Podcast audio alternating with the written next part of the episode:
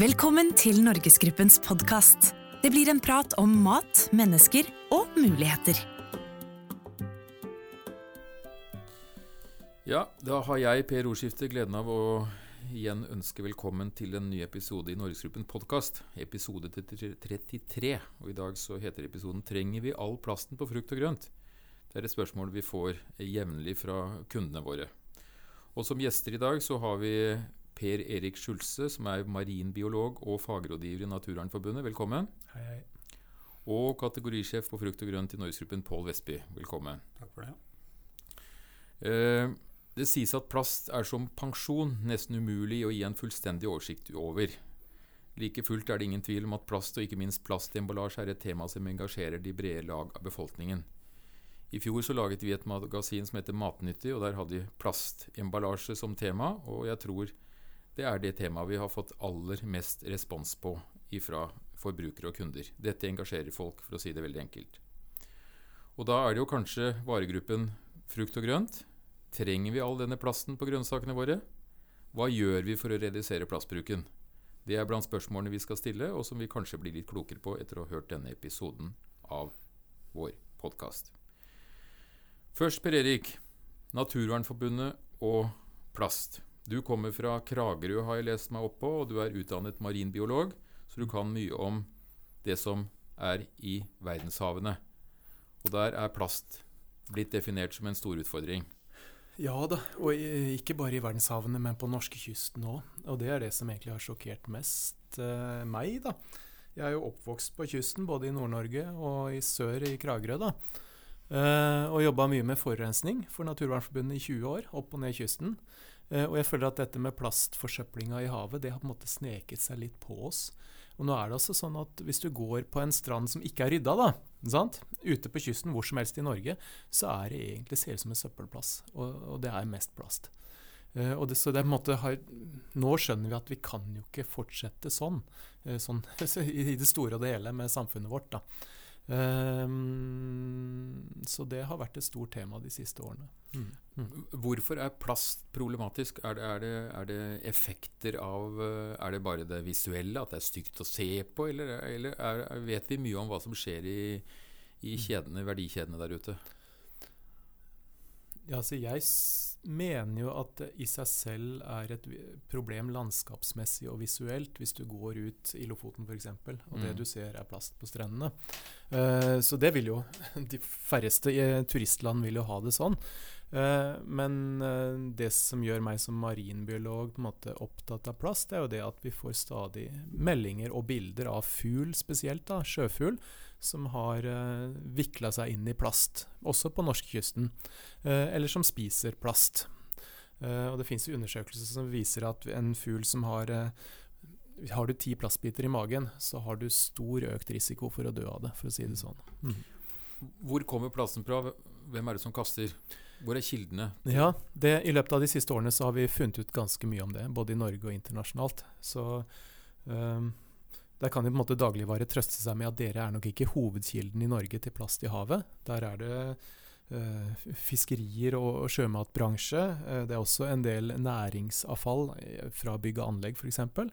Isoporbiter er en mare langs hele kysten. Men så ser vi det også at det er overraskende mye sånn det vi kaller dagligvare eller forbruksavfall. Og vi vet jo i urbane områder i Norge så er det fortsatt altfor mye forsøpling, altså gatesøppel. En del av det havner i sjøen. Mm. Uh, men så er det en del andre veier som denne plasten da havner i havet på. Vi vet Q-tips er jo kjent gjennom mm. avløpssystemet vårt. Du skal ikke puste, putte plasting i, i, do, det har mm. vi jo skjønt. Uh, nå er det forresten dovettuka nå, ja, tror jeg. uh, og Norgesgruppen har jo gått foran der med å bytte ut denne plastproduktet til papir, sånn at hvis det skulle havne i do, så, så er det jo ikke akutt problem på strendene. Uh, men uh, ja.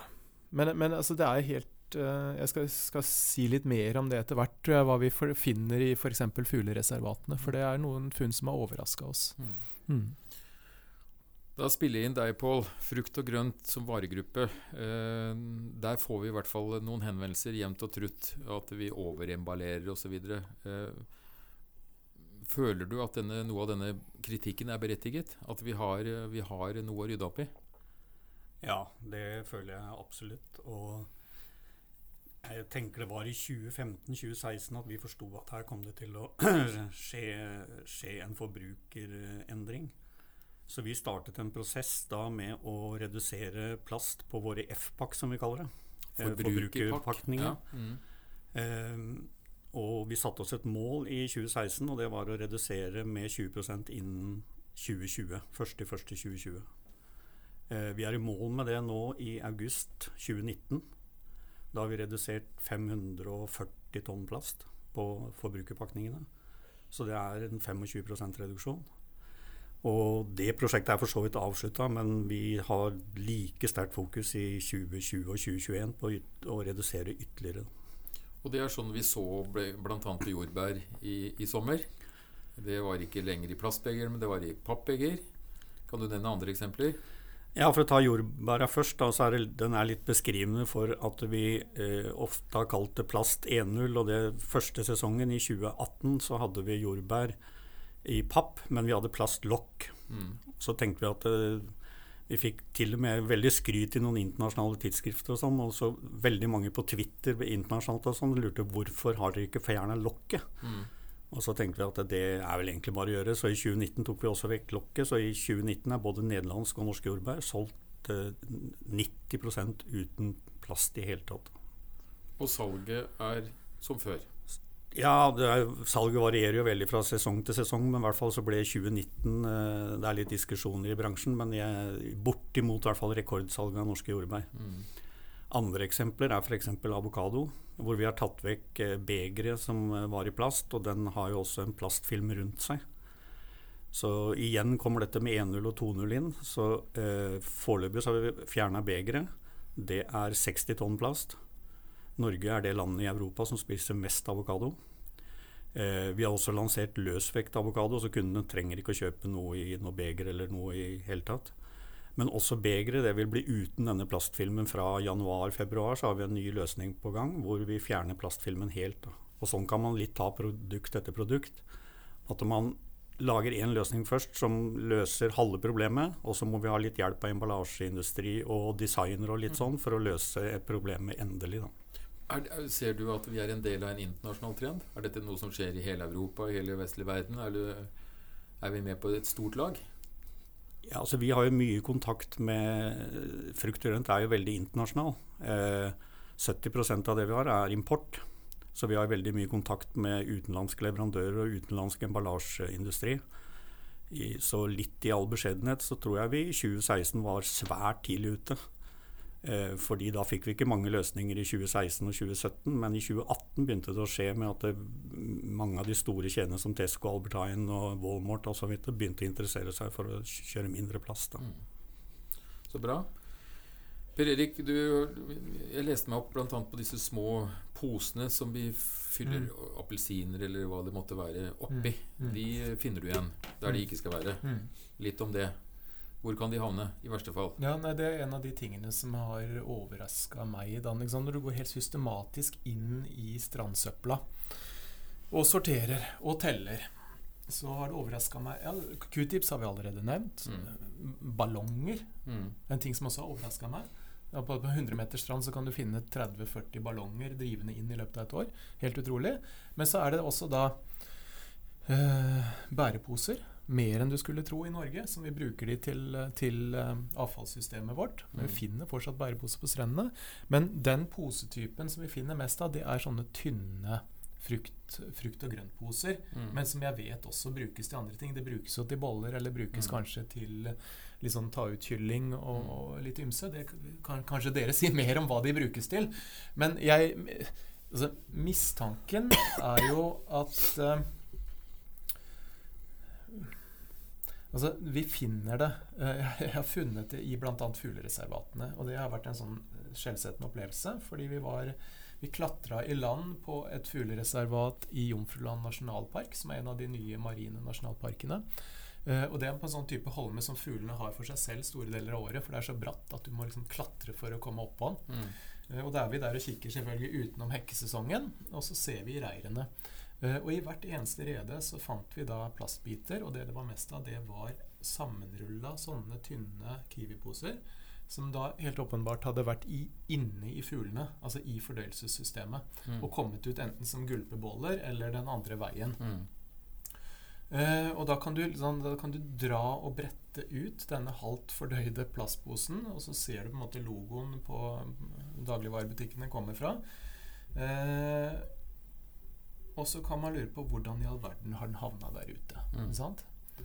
Uh, jeg ser for meg at det er i hvert fall to veier. og Det ene er at det er produkter som Eller så, det er som ta-ut-mat. Som vi, når vi skal på tur, yeah. så, så har vi med oss litt sånn matvarer. Mm. Og så legger vi kanskje kyllingbitene vi ikke spiser, og kanskje litt frukt og grønt som ikke vi hadde lyst på likevel, i Mm. posen. Og så legger vi de litt sånn uvørent fra oss ute, Mm. ikke ordentlig opp i en søppelkasse. Mm. Og da kommer selvfølgelig fuglene og tar det her med seg, og, Mm. og kan fly det flere kilometer av gårde. Mm. Eh, og så har vi også noen litt stygge eksempler på at det er avfall, plastavfall som er kommet inn i avfallssystemet, men som lekker ut derfra igjen. Mm. Fra noen plastsorterings- og behandlingsanlegg som ikke er sikra mot, Mm. mot flyveavfall, f.eks. Uh, Pål, eh, dette er jo disse husholdningsposene som jeg k- bruker, i hvert fall når jeg er innom frukt- og grøntavdelingen. Eh, eh, ser du noen løsninger på dette her, eller er dette noe det jobbes med? Ja, eh, Det første vi har gjort, er å tilby flergangsposer som du kan kjøpe i butikken og bruke flere ganger. Men det er jo en eh, kjensgjerning at den blir jo ikke veldig mye brukt. Så det spørs jo liksom om ikke vi må være mer proaktive for å vende, snu forbrukeren enn at han snur seg selv. Mm. Og det kommer kanskje en løsning fra et sted som vi ikke helt så med en gang, og det, det er selvskanningskasser. Eh, fordi at det, slik det er i dag, så er det veldig problematisk for en som sitter i kassaapparatet en travel fredag og skal måtte f.eks. åpne en papirpose og se om det er appelsiner eller røde epler eller hva kunden har valgt å kjøpe. Eh, det vil nok forårsake en del kø i kassa, tror jeg. Men nå ser vi at eh, Meny har over 50% selvskanning, og det går jo én vei. Eh, og det kommer til å bli selvskanning på det meste, antar jeg. Mm. Og da kan det jo være at vi like godt kan bruke papirposer i frukt- og grøntavdelingen. Mm. Eh, slik at eh, vi må på en eller annen måte forsøke å bli kvitt disse eh, rullene med poser. Da. For det er helt tydelig at det er en stor utfordring. Så her kommer det løsninger fremover. Det er du ganske trygg på. Vi er veldig bevisst på at Ja. vi skal løse det på en eller annen måte. Tilbake til deg, Per Erik. Eh, Du har jo fått årets gullklypevinner eh, av Hold Norge rent. Ja. Og vi er ganske stolt av at vi har vært med og etablert av Handels miljøfond. Mm. Der har det blitt mye ressurser og midler, og det går jo bl.a. Til, å- til å samle kjøtt, eh, samle, samle plast. Mm. Eh, Men eh, hva tror du er viktigst? Altså og det å ta plast ut av denne verdikjeden? Eller å rydde opp etterpå? Ja, vi pleier å si det at vi er jo vi er pukka nødt til å rydde kysten. Vi kan jo ikke ha det sånn. Men så ser vi det også at mange steder hvor vi rydder, fri, mange frivillige er ute og rydder, så er det like mye plast neste år etter vinterstormene. Så det er helt åpenbart at vi må skru igjen krana ved kilden. Da. Mm. Eh, og det er jo det herre fascinerende med plast. Det er jo et fantastisk produkt ikke sant? for å beskytte ting mot å holde fuktighet inne eller ute, eller hva du vil. Men det er jo samtidig det der at det varer flere tiår i hvert fall ute i naturen. Eh, Og vi finner jo poser med logoposer som vi vet er 30-40 år gamle. ikke sant?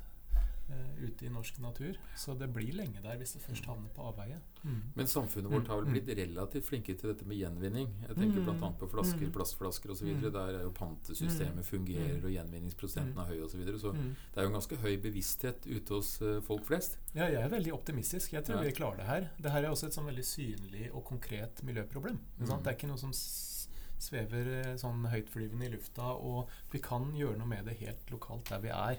I hverdagen og i handlinga vår. Så Mm. bra. Mm.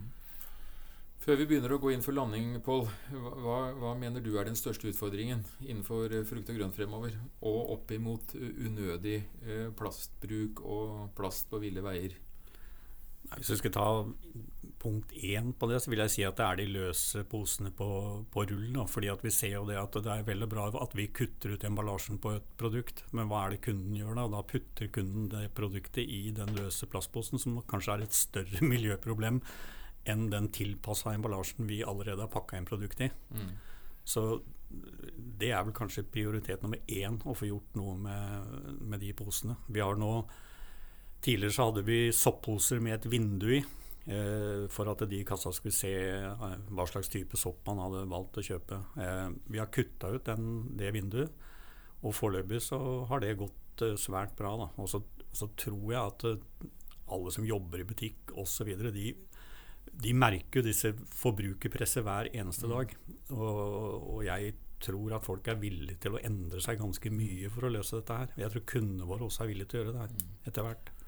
I tillegg til at det er meningsfylt, Pål, så er det vel også morsomt? Også det er jo liksom inspirasjon i hverdagen. Dette er jo i tillegg til konkurransedyktige priser osv. Så, videre, så så er det jo liksom salgbare, gode, bærekraftige løsninger. Ja, det vi tenkte på når vi liksom, relativt tidlig må jeg si da, bestemte oss for at vi skal redusere plassen, var at ja, vi aner egentlig ikke om om plasten utapå en vårløk havner i kysten eller ikke. Vi tenkte mer sånn at vi får bare gjøre alt vi kan og fjerne all den plasten vi klarer å fjerne. Mm. Og så får en håpe det blir så bra som, det, mm. bra som mulig. Og, og, nå har vi 20-25% bort, og vi skal nok ta i 2020 10 til. Mm.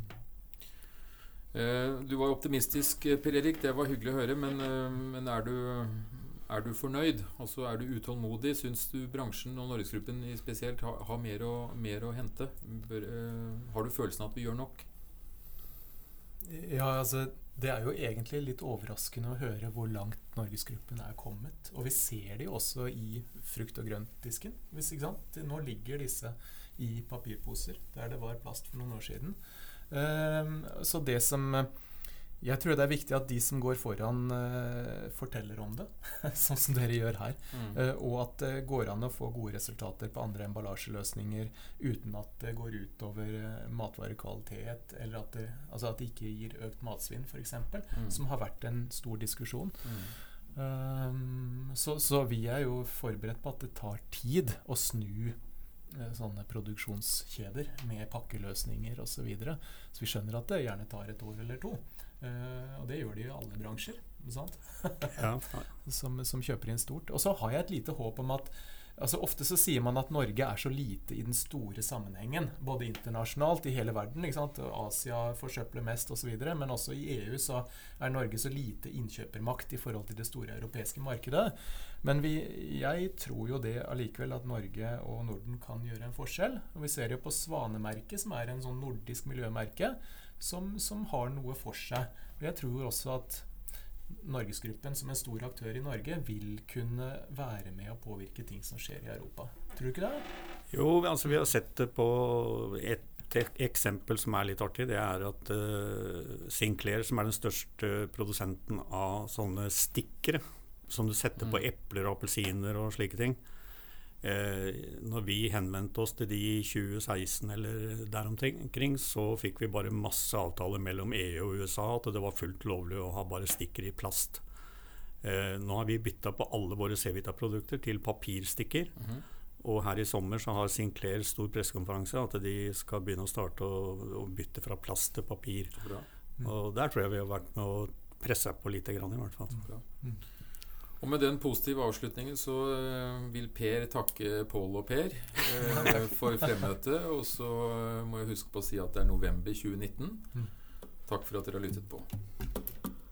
Abonner på Norgesgruppens podkast i iTunes og på Soundcloud. Besøk oss på norgesgruppen.no. Gi oss gjerne tilbakemelding på Facebook-sidene våre.